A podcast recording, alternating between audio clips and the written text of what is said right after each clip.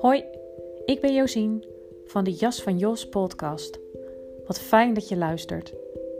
In deze podcast deel ik over bewustwording, zelfontwikkeling, lichaamsbewustzijn en spiritualiteit naar kanker en verlies. Ik neem je mee in mijn reis van zelfbevrijding en ontwikkelingen in het ondernemerschap na kanker. Ik vertel met openheid, bevlogenheid en hopelijk ook humor over groei en over struikelblokken. Over op je pad zitten en wat je er vandaan haalt. En uiteraard wat je kunt doen om daar weer terug te komen. Altijd gekoppeld aan mijn eigen ervaring of ervaringen van klanten. Ik deel tips, tools en inspiratie voor een authentiek en zelfliefdevol leven vanuit meer rust en zijn.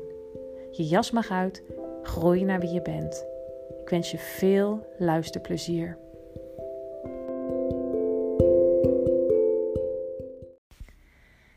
Je luistert naar driedelige serie over verlies en rouw van de Jas van Jos podcast. In deel 1 neem ik je mee in een persoonlijk verhaal over verlies en rouw en, de, en een actuele ervaring van rauwe rouwgevoelens. Ik vertel je ook wat over mijn visie over rouw en over rouw- en verliesverwerking. In deel 2 ga ik hier nader op in en vertel ik je ook wat meer over de zijsgeoriënteerde wijze van rouw- en verliesbegeleiding. En in deel 3 neem ik je mee in een geleide meditatie die je heel goed kunt doen op het moment dat je gevoelens van rouw ervaart, er een golf van rouw over je heen komt. En deze meditatie is ook heel geschikt op het moment dat je andere emotionele pijn ervaart en ook als je fysieke pijn ervaart. Ik wens je veel steun en helderheid en toch ook luisterplezier bij deze driedelige serie van de Jas van Jos podcast. Hoi hoi, fijn dat je weer bent ingecheckt bij de Jas van Jos podcast. Uh, ik ga vandaag een aflevering maken over verlies en rouw. Het is voor mij een uh, belangrijk aspect van mijn werk dat ik um, me richt op rouw- en verliesbegeleiding. En ook het gesprek over secundair verlies en secundaire rouw op gang wil brengen. Um, omdat dat iets is uh, wat ik heel erg belangrijk vind. En uiteraard ook omdat ik daar um, zelf veel mee te maken heb gehad. Met de eenzaamheid na um, het verlies van mijn zoontje. Um, dat er een hele rij met dominostenen omvalt op het moment dat je iemand verliest. Um, ik in dit geval mijn kind verloor. Um, hetzelfde geldt eigenlijk ook voor uh, kanker. Zeker op het moment dat je in remissie wordt verklaard en um, je omgeving weer kan ademhalen, dan begint eigenlijk pas het echt moeilijke stuk.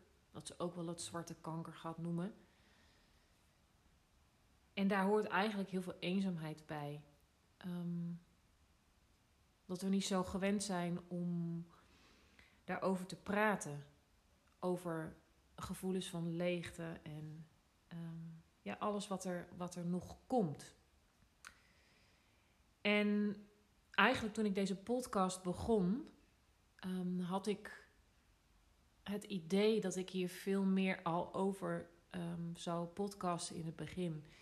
En ja, ik realiseer me nu dat ik dat eigenlijk nog best weinig gedaan heb. Terwijl het voor mij een heel belangrijk uh, onderdeel is van um, mijn visie, mijn missie en hoe ik mijn werk wil insteken. En mensen juist die te maken hebben met rouw en verlies. En dan ook in een bredere zin van het woord. Hè, dus of je een dierbare nu bent verloren. Maar het kan dus ook om je gezondheid gaan. Um, of dingen niet meer kunnen. bijvoorbeeld na een burn-out. En ik wil het absoluut niet over één kam scheren. Maar ik wil me ook niet zeg maar op één groep richten. Omdat goed leren rouwen. Um, ja, dat klinkt een beetje raar misschien, goed leren rouwen. Maar echt rouwen, dat gaat je in de rest van je leven gewoon helpen. Omdat het hele leven een aaneenschakeling is van verliesmomenten. Kleiner of groter. Want elke verandering ehm, brengt eigenlijk ook een soort afscheid met zich mee en ook een nieuw begin. Ja, in de mijn optiek is het ook zo belangrijk om jonge kinderen hier al ehm, goed bij te begeleiden. En daar heb ik volgens mij wel eens eerder wat over gezegd in een podcast. Dat het juist bij de wat kleinere, tussen aanhalingstekens, ehm, incidenten, momenten, gebeurtenissen, dat het zo mooi is ehm, om dat te leren. Omdat je daar de rest van je leven wat aan hebt. Ehm, en de reden dat ik nu deze podcast opneem is omdat, ja, één keer in de zoveel tijd heb ik dat. Dan kan het verlies van Jelle, mijn zoontje. Die uh, in de zomer van 2016 geboren werd en dus ook stierf. Um, dat is ondertussen al uh, een aantal jaren geleden natuurlijk. Maar ineens kan dat af en toe heel hevig naar de oppervlakte komen en kan ik overspoeld worden door verdriet. En ja, moet je daar nou over delen, is dan de vraag. Ja, ja, ik vind dat dus heel erg belangrijk. Want ik heb ook wel eens, misschien, ik weet niet in de podcast, in ieder geval daarover geschreven ook. Weet je, rouw is niet, dat, dat kent geen tijd. Dat duurt vaak een leven lang. En ehm, als je dat uh, durft te accepteren en zeker daarbij ook rouw kunt zien als liefde, dan maakt dat het voor jouzelf makkelijker, zeg maar, om, uh, om dat er ook helemaal te laten zijn. Want rouw en ja, alle pijnlijkheden die daarbij horen, um, dat is natuurlijk niet, het, niet, niet uh, ja, als je daaraan denkt dat dat iets leuks is. Natuurlijk niet. Maar op het moment dat je ja, gaat zien, en maar ook door, door, door de ruimte aan te geven, gaat voelen dat rouw en liefde um, dus heel dicht bij elkaar liggen kun je dat ook langzaam gaan zien als iets moois. En nou ja, over die golven van verdriet. Ik had dat, ik denk twee dagen geleden. Um, ik heb dat wel vaker dan als ik net in bed lig. Dan kan me dat ineens overvallen. En dan is het voor mij ook redelijk makkelijk om dat helemaal toe te laten. En om even die pijn echt te voelen. Um, voor mij voelt het op zo'n moment alsof echt mijn hele binnenste even naar buiten komt. Um, en dit soort golfbewegingen, ik weet ook dat daarna een, een gevoel van zachtheid uh, daarop volgt. En ontspanning. En ja, dat het zo belangrijk is om, om dit soort golven ook de ruimte te geven. En weet je, om je je even daardoor te laten overspoelen. En dat ook te zien, dus als een golf van liefde eigenlijk die over je heen komt. In plaats van een beangstigende of zelfs angstaanjagende uh, golf. want zo kan het wel voelen. Kan, dat verdriet kan echt vanuit je tenen komen. Um, ja, dan, is, dan, dan kan de angst zijn dat dat je echt overspoelt en dat je dat niet aan kan. Of dat er een beerput open gaat. En weet je, ik heb het nu over um, mijn zoontje. Omdat ik dit zoals zo. Dit van die golven zijn die één keer in de zoveel tijd terugkomen. En ik dat ook een paar dagen geleden had. Maar um, ik heb dat zeker af en toe ook als het gaat om kanker. Hè? En dan komen er ook weer andere taboe-onderwerpen bij als. Um, wat in mijn geval gynaecologische kanker, in de overgang raken, um, ja, letterlijk en figuurlijk getraumatiseerd zijn op een, ja, op een plek waar, um, waar je eigenlijk ook je seksualiteit vrij wil laten stromen en bloeien. En um, wat niet meer kan zoals vroeger, dat is, ja, dat is enorm pijnlijk, letterlijk en figuurlijk. Het, het, het tast je aan in je gevoel van vrouw zijn. Dat is in ieder geval bij mij een tijd zo geweest. Um, dus als, als je het hebt over secundaire rouw, dit is ook nog zo'n um, gebied dat nog verder verkend kan worden. En ja, ik dwaal nu een beetje af.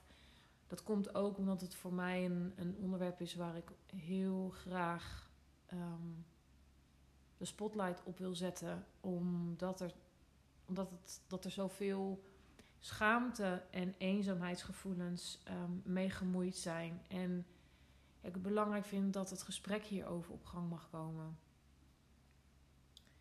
Maar dat dus even, um, laat ik nu weer even voor, het is, voor, wat het is, want daar ging deze podcast niet over. Um, maar dan weet je wel dat het, uh, ja, dat het gewoon een ontzettend belangrijk onderwerp is voor mij. Überhaupt dus secundair verlies en secundaire rouw. De, de hele rij dominostenen die omvalt op het moment dat jij iets wezenlijks verliest in je leven.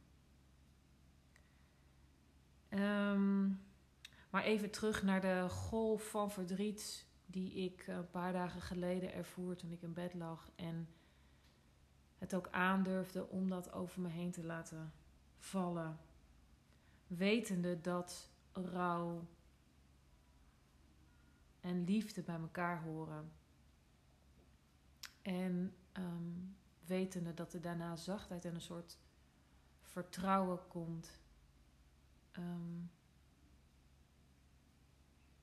ja, dat, dat maakt voor mij zo duidelijk het belang om uh, hier dus aandacht aan te besteden en om daar ook anderen bij te begeleiden. Want ja, vaak um, leren we dat niet um, hoe dat moet. Hè? Echt een, een verlies lijden, rouwen, echt leren lijden. Omdat verlies en zeker de dood dingen zijn die, ja, die wij zeker in deze westerse wereld um, zo ver mogelijk buiten de deur willen houden. Hè? Je ziet het nou met corona ook. Um, alles doen om de dood maar buiten de deur te houden. En weet je, ik wil hier het gesprek of de discussie verder helemaal niet over, over uh, um, gaan, gaan hebben nu in deze aflevering. Maar dat is wel iets wat mij opvalt. Um, en als ik voor mijzelf spreek, en dat is dus zowel bij het verlies van mijn zoontje, als daarvoor eigenlijk al bij de, bij de miskraam, maar, maar dus ook zeker eigenlijk na kanker, toen ik geconfronteerd werd met mijn eigen sterfelijke lichaam. Um, dat, en dat klinkt in eerste instantie paradoxaal, maar dat, ja, dat, zo zie ik dat dus niet meer. Dat juist um, op het moment dat de dood onderdeel van mijn leven mocht zijn, um, dat de angst daarvoor verdween. En ook in mijn pad van zijnsoriëntatie heb ik hier ontzettend veel werk mee gedaan. En ja, waar het eigenlijk om gaat, is, is om de bereidheid om. Um, en dat klinkt heel radicaal, maar op die manier ermee te werken, dat, uh, dat, gaat, dat brengt je heel veel ruimte en ehm, ja, dus ruimte ook voor liefde. Als je durft over te geven aan het leven, als je bij wijze van bereid bent om nog een keer ziek te worden of om nog een keer je kind te verliezen. En daarmee bedoel je natuurlijk absoluut niet dat je je kind wil verliezen. Maar feit is wel dat, ehm, dat je bepaalde dingen, dat je daar geen controle over hebt. En ehm, kijk, natuurlijk kun je goed voor jezelf zorgen, gezond eten, voldoende slapen, sporten, weet ik veel, om gezond te blijven. Maar ehm, je kunt niet voorkomen dat jij of een dierbare ziek wordt en doodgaat. Dat is hoe het leven gaat. En de dood hoort bij het leven. En um, ja, als je leert zien, in ieder geval is dat iets wat mij heel veel um, ruimte, vertrouwen en vrijheid heeft gegeven door te gaan ervaren dat ik niet mijn lichaam ben, dat ik niet mijn gedachten ben, dat ik niet mijn gevoelens ben. Dat ik in essentie zeg maar. Um, ja, of je het nou bewustzijn, die waarnemer, ware zelf in ieder geval gaat dat verder dan jouw fysieke, stoffelijke lichaam. En ja, dat is dus meer de spirituele visie op de mens. Mij heeft het zo ongelooflijk veel geholpen. Door dat zo te gaan zien en dat echt zo te gaan ervaren. En ja, weet je, de reden dat ik ook nu zo vaak die podcastafleveringen zit op te nemen. Dat is omdat er elke keer inspiratie komt en elke keer weer. Ik denk, ja, dit, als je jezelf, zeg maar, um, in een veel ruimere zin gaat zien, dan, ja, dan ga je dus de ellende in je leven, de moeilijkheden waar je tegenaan loopt en dus ook verlies, afscheid, dood, rouw, ga je daar anders naar kijken. En uh, daarmee zeg ik niet dat het geen pijn doet, want dat, dat, dat doet het absoluut. Um, maar het zijn de overtuigingen, de verhalen erover die, die ervoor zorgen dat het, ja, dat het echt lijden wordt. Dat het niet mag. Um, dat het, dat het toch niet kan dat, dat je ziek wordt, dat er iemand sterft. En dat gevecht daartegen, tegen de, de loop van het leven, ja, dat is wat, wat mij betreft, zeg maar, waar het grootste lijden vandaan komt. Um, en tegelijkertijd is het ongelooflijk belangrijk om ruimte te geven aan rouw. Elke keer opnieuw. Als het aanklopt. Als die golf langzaam, weet je. Als ik voor mezelf spreek, ik voel dat al. Ja, eigenlijk al dagen van tevoren aankomen. Zo van er zit verdriet op de, uh, onder de oppervlakte. En ineens.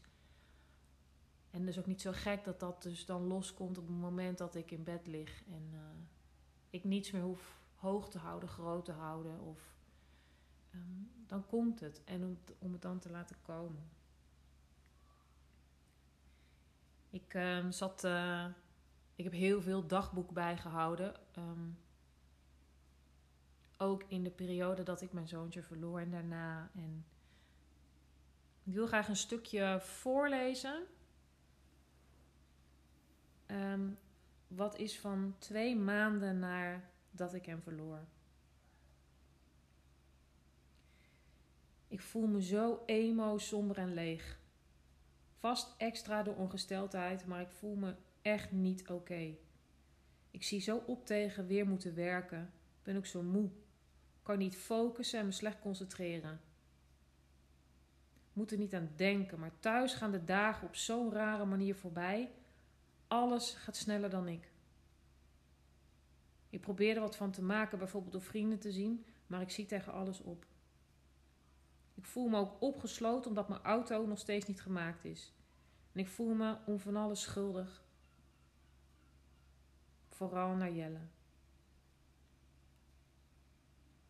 Alleen al in dit kleine stukje zie je wat er aan uh, een brei aan heftige gevoelens, van somberheid naar uh, schuldig voelen, naar opzien tegen, naar uh, emotionele schommingen, uh, schommelingen, ehm, leegte. Ik weet niet of ik dat al had gezegd. Ja, het is het zijn heftige gevoelens die um, ik denk iedereen kent. En ja, het is zo belangrijk om dit soort gevoelens de ruimte te geven en om ze echt helemaal te voelen. Wij zijn vaak zo angstig om dit soort dingen um, helemaal te voelen, omdat we bang zijn voor wat er komt als we het toelaten. Maar mijn overtuiging en mijn ervaring is, en ik denk eigenlijk dat ik dat misschien wel ook zo mag zeggen, ehm, aangezien ik ook best wel wat mee te maken heb gehad in mijn leven. Je krijgt nooit meer dan je aan kunt. Je krijgt nooit meer dan je aan kunt. Ehm, dus voelt het als een tsunami die over je heen komt. Heb vertrouwen dat je het aan kunt. En je hoeft dit dus niet alleen te doen. Dat is ook zo'n misvatting dat je dat alleen moet doen. Um, dat is voor mij een hele grote motivatie om bijvoorbeeld dus deze podcast op te nemen. En um, de plannen zijn aan het uitkristalliseren. En hoe ik in een kleine groep uh, zijnsgeoriënteerde rouwcirkels wil organiseren. Hoe ik um, samenwerking aanga met anderen die ook um, op dit onderwerp, um, die daar hun werk van gemaakt hebben, om daar een veilige plek te creëren waar um, rouw er helemaal mag zijn. En uh, dat een, weer een onderdeel mag worden van jouw leven. Want zie rouw als liefde. En het gaat dus niet om, loslaten. En in mijn optiek, weet je, het, is heel, het zou natuurlijk heel raar en cru zijn om tegen iemand te zeggen uh, die iemand verloren is: Je bent iemand niet echt kwijt, want um, het is alleen het lichaam dat weg, is. Dat is natuurlijk absoluut niet wat je moet doen, want je rouwt ook om deze uh, persoon, deze relatie. En uh, dus, dus dat zijn dingen die je niet moet gaan uh, verkondigen aan iemand die net iemand verloren is. En toch is het mooi om op den duur, als daar langzaam ruimte voor komt, om ook het een, ruimer perspectief te zien. En in ieder geval altijd um, de kern voor ogen te houden van die liefde. En uh, ja, dan wil ik toch ook eventjes de creatieve rouwvrouw noemen. We hebben elkaar ontmoet uh, via Instagram. Zij uh, doet rouw- en verliesbegeleiding ook op een hele mooie manier. Um, met natuurcoaching. En uh, ja, wij zijn met elkaar in contact geraakt. En we gaan ook iets samen doen, waarschijnlijk. En uh, zijn ook een beetje aan inventariseren um, via Instagram. Hoe we daar online al iets kunnen doen. Maar ja, de reden waarom ik dit noem is omdat omdat ik, um, dat ik er heel erg blij van word als ik zie hoe mensen ja, dit ook onder de aandacht willen brengen. En een, een veilige, warme plek willen bieden ehm, voor mensen om te rouwen. En dat het niet uitmaakt hoe lang het geleden is. Dat het niet uitmaakt om wie het gaat. Ehm, in principe ook niet om wat het gaat. Maar om dit serieus te nemen en om daar echt uh, een, een plek voor te creëren. Het is zo belangrijk dat al die dingen er helemaal mogen zijn. Want dat biedt ruimte en compassie. Eigenlijk ruimte voor compassie, voor zelfcompassie. En om die liefde helemaal te voelen. En om dus af en toe het rauwe verdriet, de rauwe pijn helemaal toe te mogen laten. Om te weten dat je dus niet meer krijgt dan je aan kunt. En ja, het als een, als een golf zou kunnen zien die jou overspoelt, maar ook schoonspoelt. En weer de zuiverheid ehm, van de liefde die er is, dat je die weer kunt voelen. En, uh, nou, ik zou hier nog uren over kunnen praten. Ik weet eigenlijk niet eens meer precies waar ik Ehm, de podcast begon. Maar in ieder geval had het voor mij heel erg te maken met dat ik het belangrijk vind om over dit onderwerp te podcasten, omdat het zo'n belangrijk onderdeel is van mijn missie en ehm, waar veel van mijn expertise en ervaringsdeskundigheid ligt. En om het gesprek te openen en om te laten zien dat er een plek is waar, waar je dus terecht kunt. Juist op het moment dat je voor je gevoel bent losgelaten door je omgeving en je ehm, voor je gevoel in je eentje dealt met leegte, pijn en ehm, wat allemaal nog meer dus um, ja, ik denk dat ik eh, voor deze aflevering het hierbij ga laten. Um, ik zou zeggen, uh, als je hier meer over wil weten, hou mijn podcast in de gaten. Um, hou mijn Instagram in de gaten over uh, wat betreft de plannen, ook in samenwerking. En um, heb je nou het gevoel ook dat jij hier middenin zit en daar ondersteuning bij uh, nodig hebt en wil en dat je jezelf die gunt, dan, uh, dan mag je natuurlijk altijd contact met mij opnemen en dan, uh, nou ja, dat wilde ik in ieder geval zeggen. Wil je sowieso op de hoogte blijven van de jas van Jos en um, plannen dan uh, kun je je inschrijven voor uh, digitale post van Jas van Jos. En dan spreek ik je binnenkort weer.